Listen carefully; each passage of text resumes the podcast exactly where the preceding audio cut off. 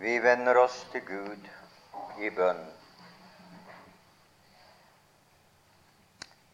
Atter igjen er vi jo Gud samlet i Jesu navn for Hans skyld, på grunn av Hans nåde og Hans kjærlighet imot oss. Og vi tilbeder deg og takker deg derfor. Takk, Herre, fordi at det er blitt sunget om deg og lest om deg. Takk for det at vi i ditt ord får et innblikk i den evige harmoni som rådet i himmelen mellom din sønn og deg. Takk, Herre, for den lykke som der blitt åpenbart.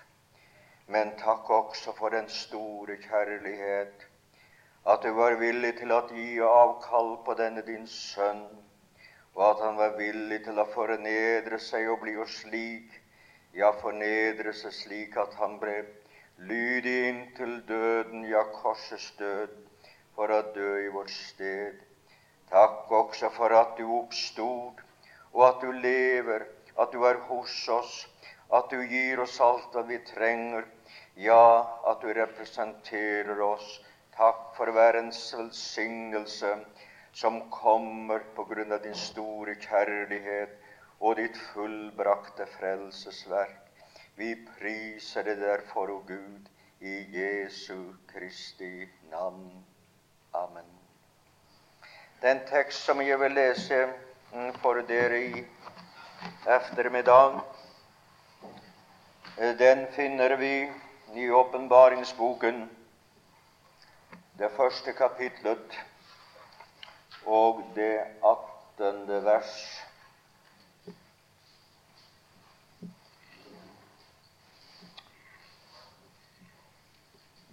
Jeg tror vi tar og leser også det 17. Johannes' åpenbaring, det første kapittel, vers 17 og 18, i Jesu navn.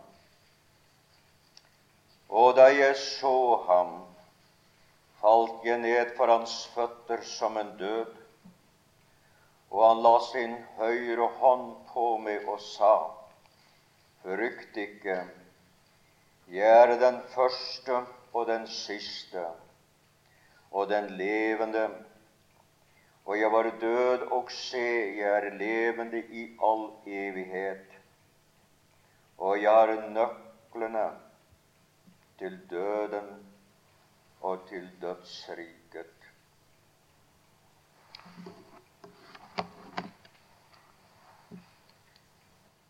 Det jeg har bekjentgjort, og det jeg regner med å tale om her i ettermiddag, det har jeg valgt å kalle påskens trefoldigheter.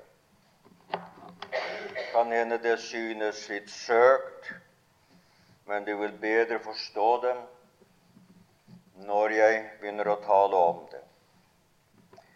Det er nemlig bemerkelsesverdig at tretallet dominerer så fullstendig i påskens budskap og forekommer så mange ganger at man undres over det og sikkert er det en guddommelig hensikt med dette.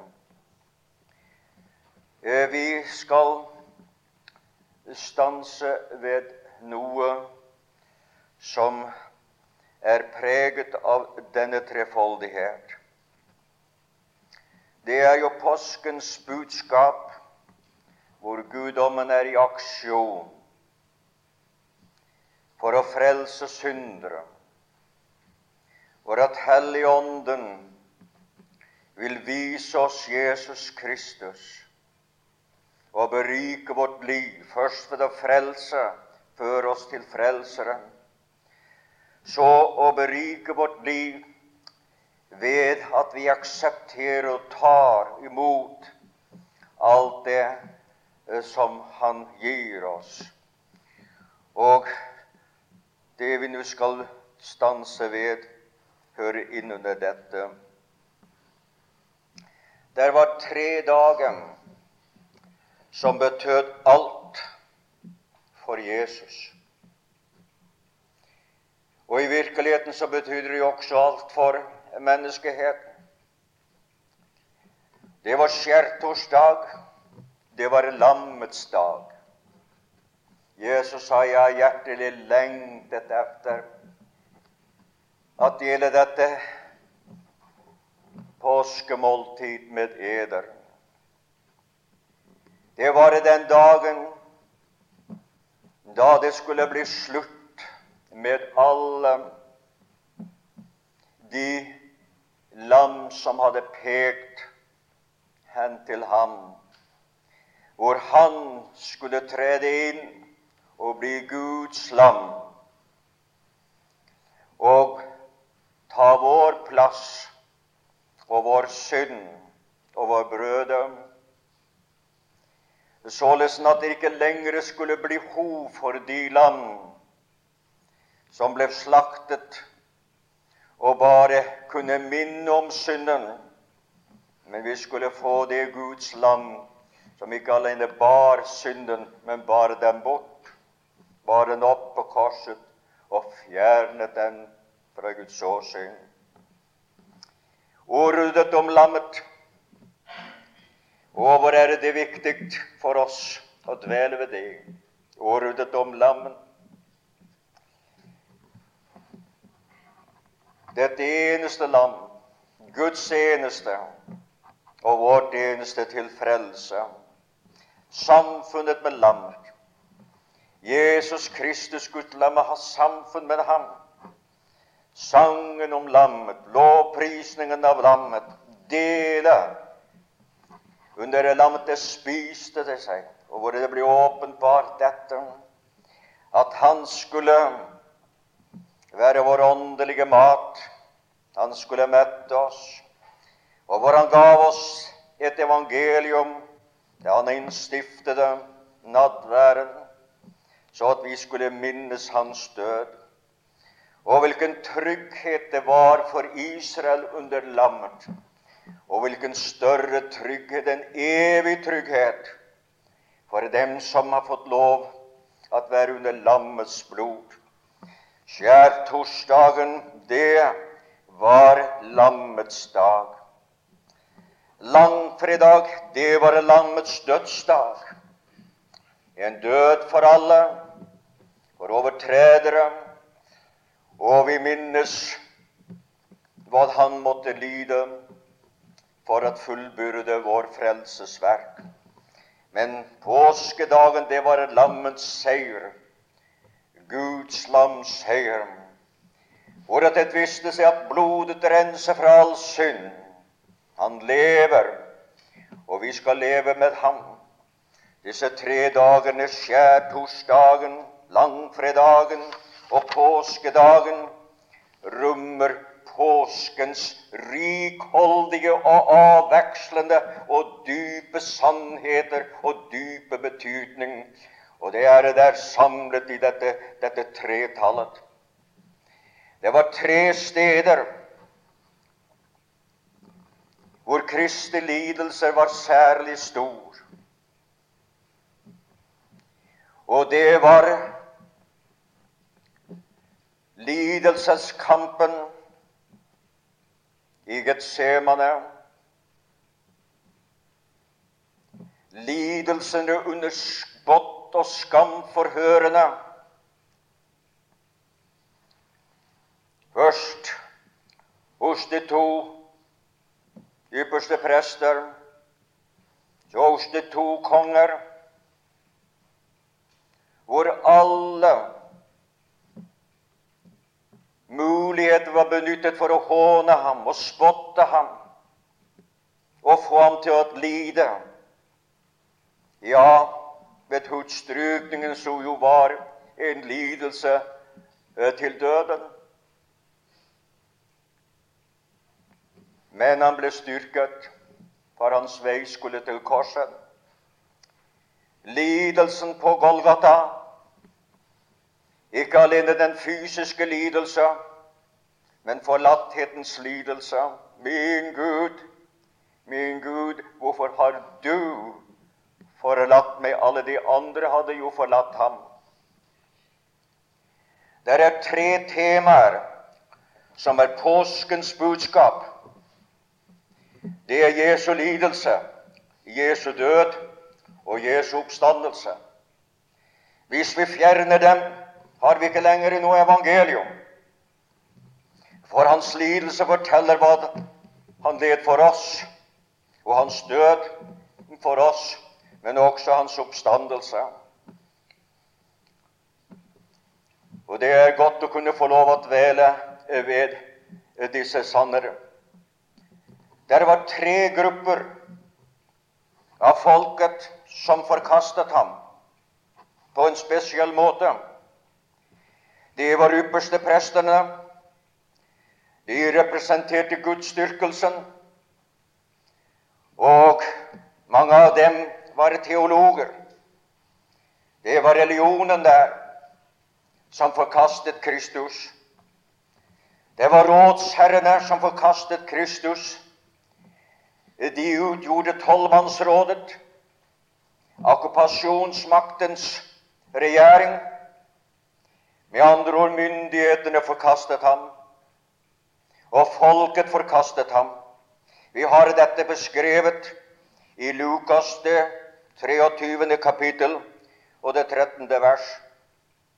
Han var forkastet, de forlot ham. Og dette var den offisielle forkastelse. Det er tre ganger Pilatus forsøkte å få frigjort Jesus. Han forsøkte virkelig tre ganger og gjorde flid for at Jesus skulle bli fri. Tenk om at de har gått med på det. Tenk hva det ville ha skjedd. Ikke noe Golgata, ingen fullbratt verk, ikke et blod til renselse fra synd, ikke noe et evig liv, eller noen himmel og herlighet. Men det var etter Guds fullt befastsatte, fastfatte råd. Han skulle dø. Han ble født efter Skriftene, han levde også efter dem, og han døde efter dem, efter Skriftene, for at den skulle oppfylles.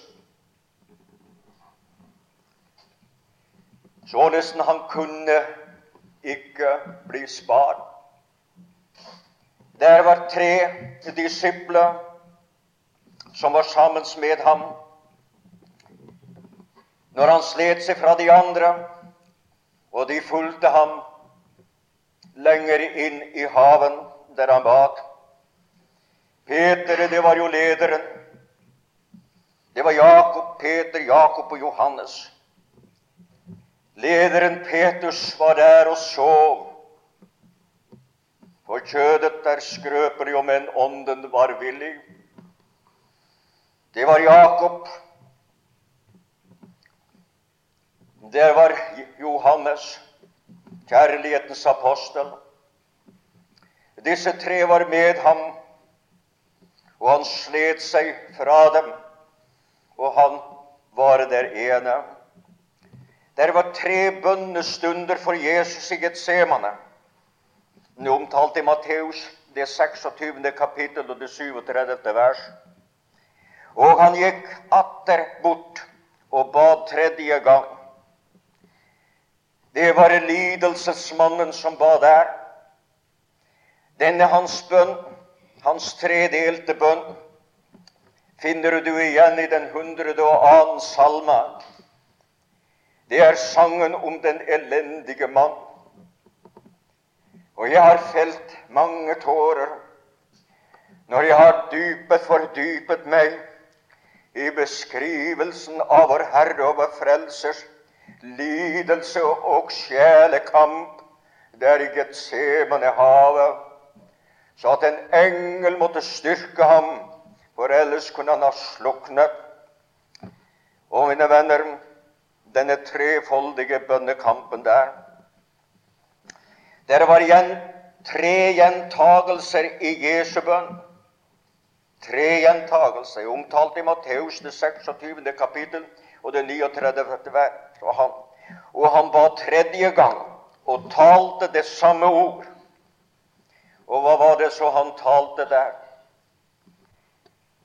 Min far, er det mulig, da la denne kalk gå meg forbi. Det ba han tre ganger. Er det mulig? Men det var ikke mulig.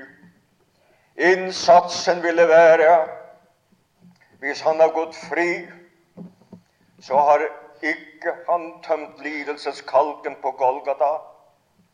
Det var det han så godt som ventet ham, og ville at det skulle bli han, og spurte om at det var mulig. Men skje ikke din vilje, skje ikke min vilje, men din. Lyde til døden. Å, hvilken kjærlighet, hvilket offer, hvilken kamp som han der utkjempede. Disse tre ganger gjentagelse. Fader, er det mulig, da la denne kall komme forbi. Dog ikke som jeg vil, men som du vil. Lydige alt, lyde til dyd, til døden, lik et lam som føres frem for å slakte. Og han opplot ikke sin munn da han førtes til døden. Det var tre ganger at Peter fornektet ham. Gjentatt der igjen. Jesus hadde sagt at før hanen galer, i dag skal du fornekte meg tre ganger, omtalt i Lukas det 23. kapittel og det 61. vers. Og da Peter hadde fornektet ham, fikk han et blikk fra Frelseren som skar han i dypet av hans hjerte. Og så gikk han ut og gråt bitterlig, og du kan tro det var en sårgråt. Angeren over sin beste venn, sin kjærlige frelser, at han hadde fornektet ham. Og Derfor var det også den sørgende av alle sørgere. Så var det ingen som følte sorgen, kan hende, på en slik måte som just Peter og Jesu mor, som et sverd skulle gjennomstynge. Å, hvilken smerte, særlig for disse to. Jo, i sannhet så var det se at det var slik.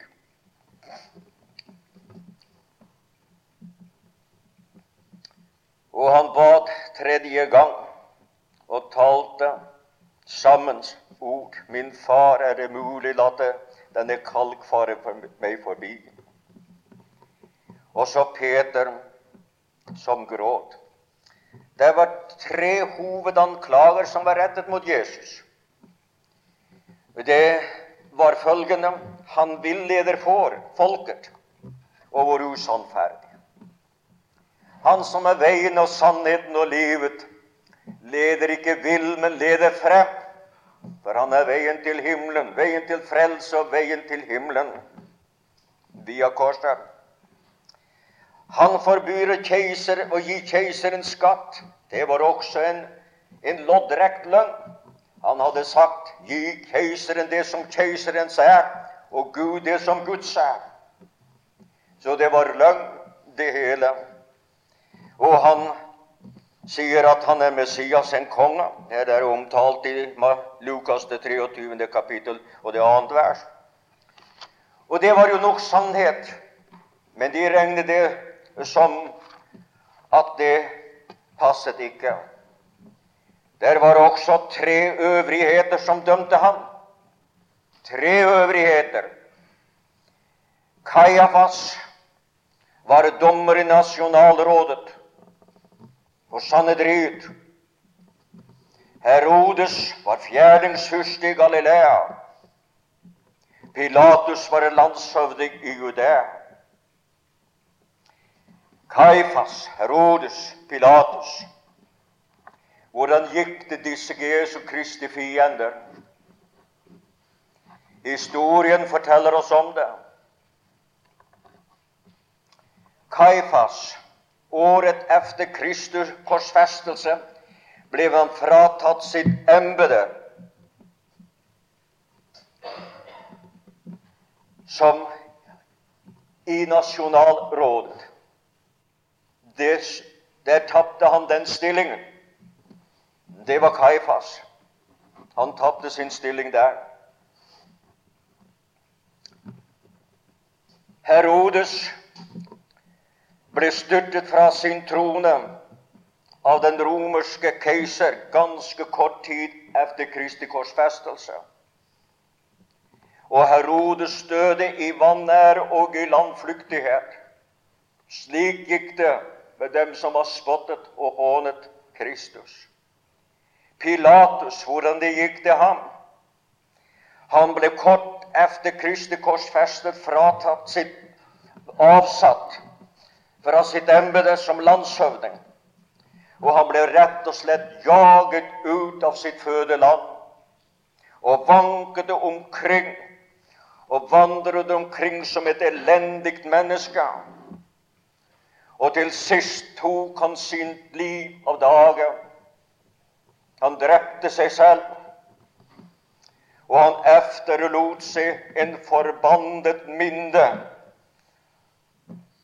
Og det var en mørk tilværelse, han som kunne ha trodd på Jesus. Og hvordan gikk det så med dypeste presten Annas? Hans hus ble av en jødisk pøbelbande plyndret, ødelagt og brent. Og hans sønn ble slept gjennom byens gater. Og til sist ble han hudstrøket og drept. Slik gikk det Kristi fiender. Og hvordan med det folk som har samlet seg? Og Jerusalem Jo, det var noen henstandsår, men i årets 70, da Titus beleirede Jerusalem og staden ble inntatt. Byen ble brent. Tempelet ble brent. Ja, det ble så rasert at stenen og byggverket ble fjernet, slik at etter en tid ble det pløyd på tempelplassen. Og det ble reist et hedensk tempel. Og til og med byen fikk et annet navn for en stund. For at det skulle utslettes, eh, dette hvor Jesus hadde vandret. Og hvordan gikk det med folket? Over hundre tusen ble korsfestet, og Josefus sier at det var så mange kors satt opp rundt omkring, så det var ikke plass til flere. Og den mangfoldige tusenvis ble unge menn og kvinner solgt som slaver for en mindre pris enn det Judas fikk for Jesus. Og flere millioner av jøder ble ført i fangenskap og spredt omkring i det romerske riket. De hadde jo sagt 'Hans blod kommer over oss og våre barn'. Og i sannhet kom det. Stakkels jøder som ikke vil tro på Jesus. Det ligger mørke dager foran dem. Jeg tenker alltid på nå når innvandringen og vanskelighetene møter seg, at der har vært en trengsel utenfor Israel, en Jakobstrengsel. Men det er beskrevet to trengsler, og den ene er trengselen i riket før Kristus kommer, Jakobstrengsel. Og den blir så stor at når Russland overfaller dem, så blir det bare en tredjedel igjen. Det blir det hele. To tredjedeler av folket blir utryddet i Israel. Vi må be for det folk mer enn kan hende vi har gjort. Om dog noen måtte få øynene opp og velge Jesus. Slik har det gått.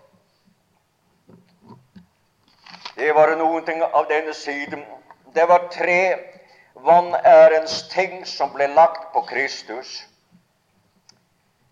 en tornekrone Og det var også en spottens krone. Han ble kronet som røveres konge og slått i hodet for at det riktig skulle gjøre vondt. Han ble viført en kassert kongekappe, en slags karikatur av en uduelig konge. Han ble hengt på et kors den verste straff og den største utmygelse som kunne tenkes. Der har vi en treenig tildragelse når det gjaldt det som rammet ham. Det var tre nagler som holdt ham til korset, én i hver hånd. Og en for begge føtter i at føttene ble lagt over på denne måte, og så er det drevet nagler tvers igjennom. Jeg tror det er Fibiger som skrev en bok i sin tid om der hvor kilderne sprang. Såret og vundrene i hender og føtter og i hans side, hvor kilderne sprang. Kilden i Davids hus, synd og urenhet. Det eneste som kan gjøre hvitt, og tenk, rødt kan gjøre hvitt renset i lammets blod. Det som var hans smette, er blitt vår jubel og vår glede.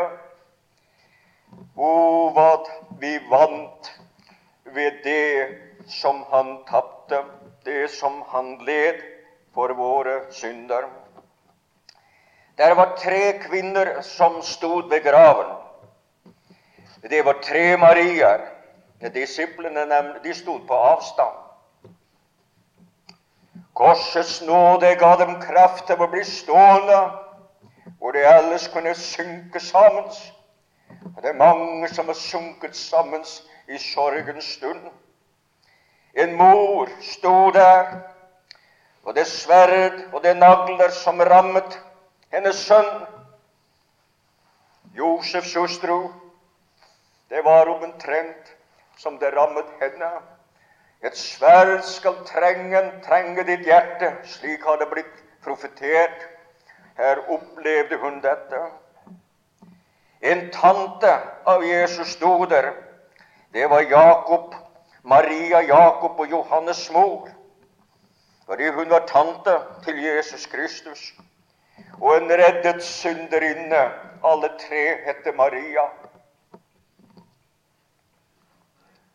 Miriam er også navnet på hebraisk. Der sto det der Maria har gjemt ordene om ham i sitt hjerte. Gledesordene, sorgens ord. Nå var tiden kommet. Magdalena, Maria Magdalene måtte minnes tilbake på hva sitt liv ute på skråplanen. Og hadde det ikke vært for hans skyld, hadde hun vel endt sine dager som en ussel, nedverdige kvinne, allerede besatt den gangen av syv onde åndsmakter og demoner. Nå stod hun der i nåde. Nå stod hun der frelst. Å, Gud skal ha takk for alle dem som har blitt reddet ved troen på Jesus. Som har blitt løftet fra det dype fall. Som har blitt gjort til anstendige mennesker, gudfryktige sjeler. Som kunne ha stått i nåde og stått for de største påkjenninger. Der var tre kors på Golgata. Dimas kors. Jesu kors i midten og Gestas kors, slik som det er beskrevet i en av de bøker som jeg siterte forleden. Dimas døde, Dimas døde fra sin synd, for han fikk den tilgitt. Er det noen som ikke har tilgitt, fått syndenes forlatelse i dag, så kan du få det etter Hans nådes rikdom. Eller som det står i den danske oversettelsen, så rik som Guds nåde er. Og jeg skal si det, det er meget. Så rik som Guds nåde er. Nåden er ikke noen fattigdomsstøtte. fattigdomsstøtte. Det er Gud som øser ut sin nåde efter så rik som han er. Og han svarer ikke du og jeg kan få lov på en rikelig mål av Hans nåde. Det er Han vil at vi skal leve i den. Ikke kar, ikke smått, men leve i nåden, glede oss i nåden og prise Gud for nåden, for det er også det som, bare det som holder. Jesus døde for syndere, for, gjøre, for han kom for å gjøre syndere salig. Og så er jeg en av dem som har gjort salig ved troen på korset og ved blodet. Og Gestas døde i synden, som en botferdig synder, som en spotter inntil siste stund, og gikk fortapt. Og der er han i fortapelsens område i dag. Og han kommer ikke til dommen samt før ved den hvite trones dom efter tusenårsriket til like med alle de andre som er døde og fortapt. Det var tre timers mørke over Golgata-scenen. Fra klokken tolv og til klokken tre langfredag. Naturen var kledt i sorg. Gud dekket over sin sønns store lidelse. Skapningen led døden for dem han hadde skapt. En mørk stund for Gud, for Kristus, for de som stod han nær. Men det er Gud som kan forandre det onde til det gode. Dette så som ut til at bli skulle bli den største nederlag, ble innledningen til den største seier i kraft av Kristi oppstandelse. Det var tre språk eh, som var innskrevet på korset, ovenover korset. Og det var Jesus Kristus, jødenes konge. Jesus som jødenes konge. Det var skrevet i tre språk. Det var skrevet på hebraisk. Og hebraisk, det er den sanne religionsspråk. For frelsen kommer fra jødene. Det er ikke noen sann gudsdyrkelse utenfor det som var jødene. De hadde løfterne, de hadde paktene, de hadde rettighetene. Og derfra kom Kristus fra det folket. Det språket var det som er den sanne religionsspråk. Det er det språk som de nå taler i Israel. Det er sikkert det språk Jesus skal tale når han kommer tilbake, og han skal ha samfunn med sitt folk som er blitt frelst. Der var den andre innskrift, det var på latin, og det er maktens språk. Latin, det var det romerske språket, og det var uttrykk for, for makt, militærmakt, og en makt som plyndret landet og gjorde det fattig. Vi var lutfattige, de fleste av dem. Men den største makt, det er kjærlighetens makt. Den makt som er åpenbart at så har Gud elsket verden, at han gav sin sønn for at hver den som tror på ham, ikke skal fortapes, men ha et evig liv. Og denne makt at han elsket sine inntil enden, og han elsket dem i evighet. Og denne maktet at han elsker det. Vi elsker ham fordi at han elsker det først. Og det er denne kjærlighet som er utøst i våre hjerter ved Den hellige ånd som ble oss gitt. Det er kjærligheten til ham fordi han elsket oss så høyt som til døden. Han elsket oss i døden og i livet. Så var det skrevet på gresk, og gresk det er kulturens språk. Det var en daværende kultur som har satt dype merker efter seg. Men den kultur som begynner å utvikles i dag, den er så visst ikke prisverdig. Den rette, sanne kultur, det er den himmelske ideologi, mine venner. Og den himmelske ideologi, Det er kjærlighet og rettferdighet i kraft av frelsesverket. Det er den ideologi som er den himmelske ideologi. Og den fås ved korset og virkeliggjøres i kraft av Jesu Kristi oppstandelse. Det var tre ganger at Jesus bad på korset. Fader, forlat dem, til de vet ikke hva de gjør. Tenk hvilket sinnelag. Tenk hvilket hjertelag om du og jeg var mer besjelet av dette. Når noen gjør oss fortred ubetydeligheter, når noen kan hende si noe om oss som, ikke var så, som vi ikke riktig likte, besjelet av kjærlighet, de er det sinnelag. Jeg hørte om en av Boots døtre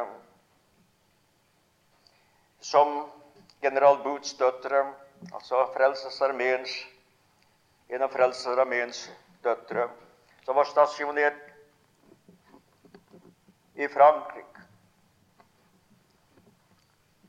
Hun stod og talte en gang om Guds kjærlighet. Hvor han hadde elsket, og hvordan vi skulle elske med hans kjærlighet. Så var det en skjøge merket av synden, både på kropp og på sjel, med en uhelbredelig syflig sykdom. Da Katrine Both, tror jeg det var hennes navn, gikk ned, så kommer denne kvinne. Du sier at Jesus elsker meg. Du sier at du elsker meg. Tør du gi meg et kyss? Og så favnet denne Gud benådede Herrens tjenerinne, denne syndens besmittede menneske, og trykte et kyss på hennes leper. Og det var nok til at hun falt i støvet. Den menneske som vil ydmyke seg slik og risikere noe slik overfor meg, må ha noen ting som jeg trenger. Ja, kjærligheten er erobrende. Kjærligheten, den vinner. Og det er Golgata-kjærligheten. Og når vi er frelst i dag, det var det fordi Hans kjærlighet knuste vårt hjerte slik at vi begrepet hvor kunne vi annet at elske Ham som gav sitt liv i døden. Fader, forlat dem til de vet ikke hva de gjør. Jesu tre ganger tale på korset, det var den ene. Og så kommer det smertefulleste av alt. Min Gud, min Gud, Hvorfor har du forlatt meg? Alle de andre har. Og hvilken smertens stund for far. Når han et øyeblikk måtte vente seg bort fra sin sønn, som var gjort til synd, og bar slektens brøde, synder uten tall, ned til dypet av Adams fall og slektens ruin og synder uten tall. For å kunne løfte og frelse og befri den som tror på Jesus Kristus.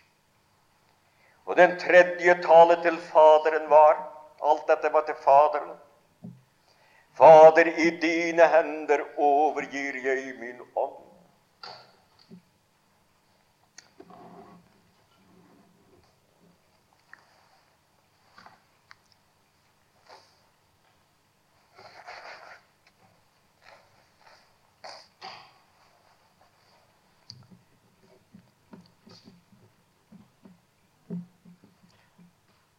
Det var tre ord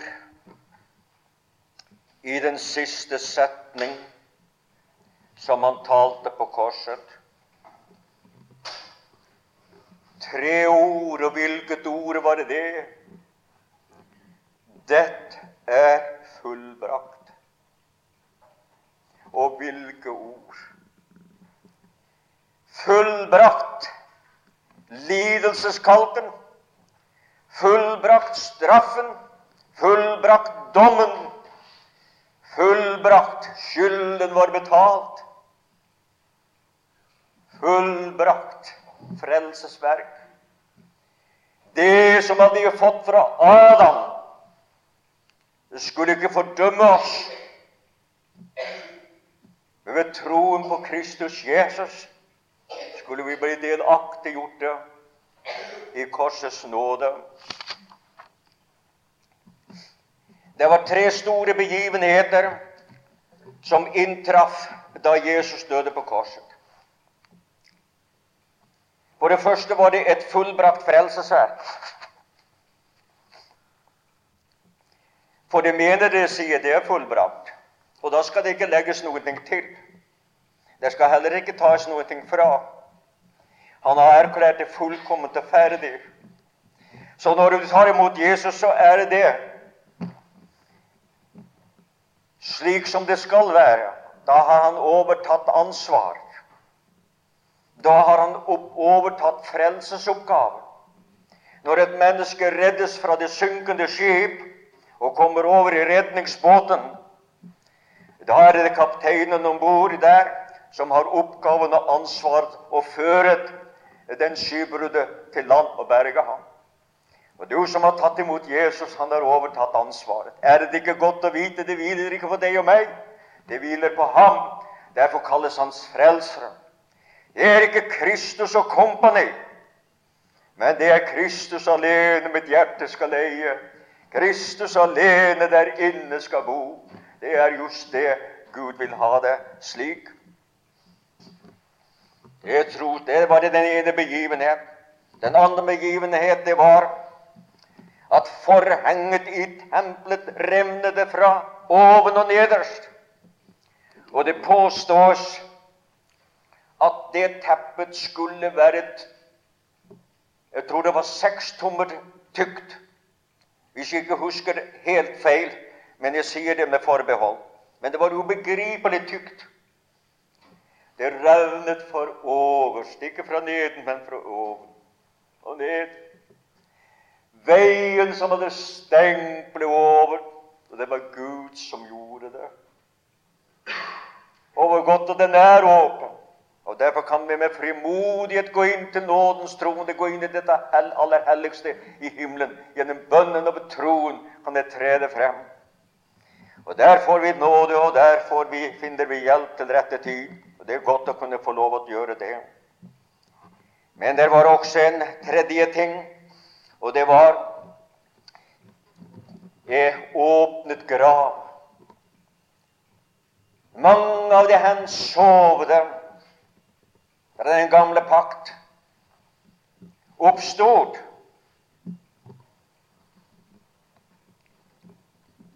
Og så fikk de Nå har de hatt vært som gjeldsslaver i dødsriket. Mange, hvor mange vet vi ikke. Og så fikk de lov å holde seg i graven. Deres ånd var kommet tilbake til deres legeme, men de fikk ikke lov å gå ut. For på hans, da han oppstod, da gikk de ut og viste seg i byen. Hvem er det? Ja, det er For mitt vedkommende tror jeg at det er en førstegrøde av den gamle paks hellige. Så menigheten er en førstegrøde for lammet. Og så kommer det den første grøde i den gamle, gamle pakt. Før grøden kommer Nei, i den store trengsel. Før en at, at uh, den første grøden i den store trengsel. Før en at grøden kommer i tusenårsriket. Men det er dem, så mange som tolker det, og jeg tror nok at det er rett, at mange av disse trosheltene i uh, Hebreabrevet til 11. kapittel som kunne ha fått utløsning når de ble spurt om de ville fornekte, men de ville ikke gjøre det. Så for at de skulle få en bedre oppstandelse, Og hva kunne være en bedre oppstandelse enn å få lov å stå opp med Jesus Kristus? Og oppstå. Og jeg tror ikke de ble henvist til dødsriket igjen. Nei da, det kom en flyttedag i dødsriket i kraft av Jesu Kristi oppstandelse. Det er vidunderlig å tenke på dette. Tenk på Esaias, f.eks., hvor beretningen, tradisjonen, forteller at han ble plassert i et hultre. Og så begynte de å sage treet over. Og så ble han saget tvers over. Ja, det kan grøsse i noen hver en bedre oppstandelse vil ikke ta imot utløsning. Disse som har dødd i tro uten å oppnå løfterne. Nå var løftegiveren Amen. Og han innfridde sine løfter. Og det du og jeg fikk ved troen på Jesus Kristus i det øyet, det fikk de på efterskudd. Det fikk de da. For det seires, det var det som han For han var livet, og da fikk de det evige liv. Han var frigjørende, Da ble de, de var gjeldsfanger i fengselet, for synden var ikke sonet, og gjelden var ikke betalt. Det var bare sjekken, men den var ikke innfridd. Men nå var sjekken innfridd. Nå var betalingen gjort. Nå var skyldbrevet sluttet og krysset over. Gudskjelov. Det var altså disse tre store begivenheter. Det var tre netter som var viet døden. Den første natt var gravens natt. Kristus lå i en ny grav. Og hva betyr dette å begrave? Jo, det er første gang et ord ble brukt i Skriften, har det alltid senere samme betydning. Og det var da Abraham spurte om å få kjøpe Maktelas hule. Og det var å bringe bort mine døde fra mitt åsyn. Bringe dem bort. Så ved Kristi grav er vi brakt bort for Guds åsyn. Det har vi skjult, for det er sonet, det er dekket. Og derfor er forlikte Gud verden med seg selv. Og det gjorde han i kraft av Kristi død. Og derfor er det at vi sier til menneskene la dere forlike med Gud. Du kan få lov å motta ham. For han er ikke vred på den som vil tro på Jesus Kristus. Han har fått rettferdighetens lov er fullbyrdes, straffen etter endebukk. Det er vantroen som stenger, det er vantroen som hindrer. Tro, og du blir frelst. Den annen, den annen natt var vi i dødsriket. Først var Jesus hjemme hos en far. Fader, i din hånd overgir jeg meg ånd. Da kom han tilbake til himmelen akkurat slik som han forlot himmelen og kom her til jord og fikk et legeme. Nå var hans legeme i graven. Og så for han tilbake akkurat slik som at han var kommet til jorden i sin ånd, slik som Fader var ånd og Helligånden en ånd. Og derfra tok han reisen til dødsriket. Og dermed holdt han prekene. Han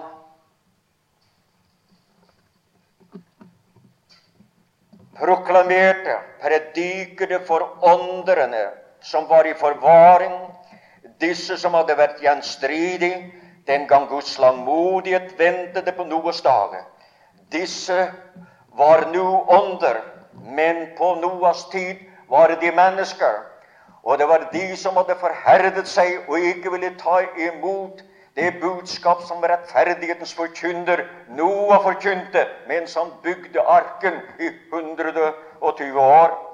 Nå har de forherdet seg, og Jesus Kristus proklamerer sin seier over dem. Ikke en forkyndelse til frelse efter et menneske er dødt, men han forkynte også evangeliet. Derfor ble også evangeliet forkynt for døde for at de nok skulle dømme som syndere, men leve som for Gud i ånden. Og hvem var det som fikk høre det gode budskap? Det var dem som var dødt i tro uten å oppnå løfterne, helt fra Abel og nedover gjennom alle dem som var i Abrahams skjød, så å si. De fikk høre det glade budskapet dette. Alt de har ventet på og trodd, nå er det kommet, nå er det innfridd, nå er det deres. Og så kunne han ta dem med seg eh, til i det minste disse som oppstod. De var hans omgangskrets i de 40 dager. Og ved sin himmelfart så bortførte han fanger og ga menneskets gaver. Og så ble dødsrikets paradisavdeling tømt, og så er de troende hjemme hos Herren. Ja, sådan er forholdene i det minste så langt som at jeg ser Guds ord. At det er på denne måten. Og det var en stor begiven. Og den tredje dag, den tredje natt, avsluttet ved oppstandelsens morgen. Graven brast, og Jesus lever. Halleluja. Å, hvor godt vår Frelsere lever. Vi tilbeder ikke ved en tom grav. Vi tilbeder, for vi har en levende frelser. Kristendommen er den eneste religion som har en levende stifter. Alle de andre er døde. Men han lever, vår frelser, og han lever, og han er med oss alle dager inntil verdens ende. Og han lever som vår ypperste prest og etter Melkesedes viks, og han lever for å gå i forbønn for ham. Så at vi skal være ren og rettferdig og himmelen verdig i vår velsignede frelses fullbrakte frelsesverk. Der er tre, en trefoldig erklæring jeg skal snart være ferdig. Det er en trefoldig erklæring fra Jesus med hensyn til hans død, omtalt i den tekst som at jeg hadde, åpenbaringen 1.18. Jeg var død. Det angår vår fortid, hans fortid og vår fortid. Død med Kristus. jeg var død. Og se, jeg er levende. Det angår nutiden med Kristus. En levende frelser for dem som har Kristus i mitt liv, for den som har Sønnen han har livet. Levende i all evighet. Det gjelder fremtiden og evigheten med Jesus Kristus. Det er hans proklamasjon. Det er hans erklæring.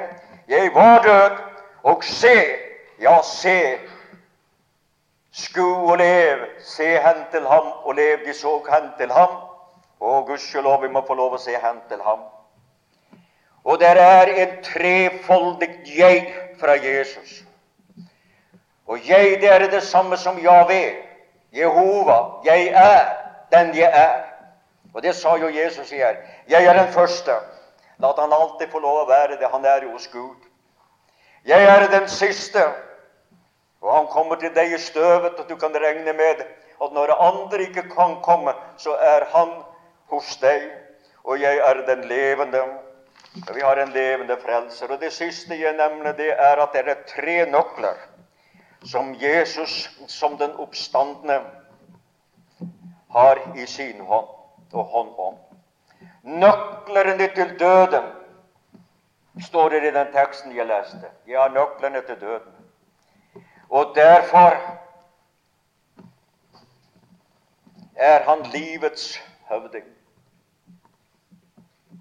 Han er livets høvding fordi at han har nøklene til dødsriket.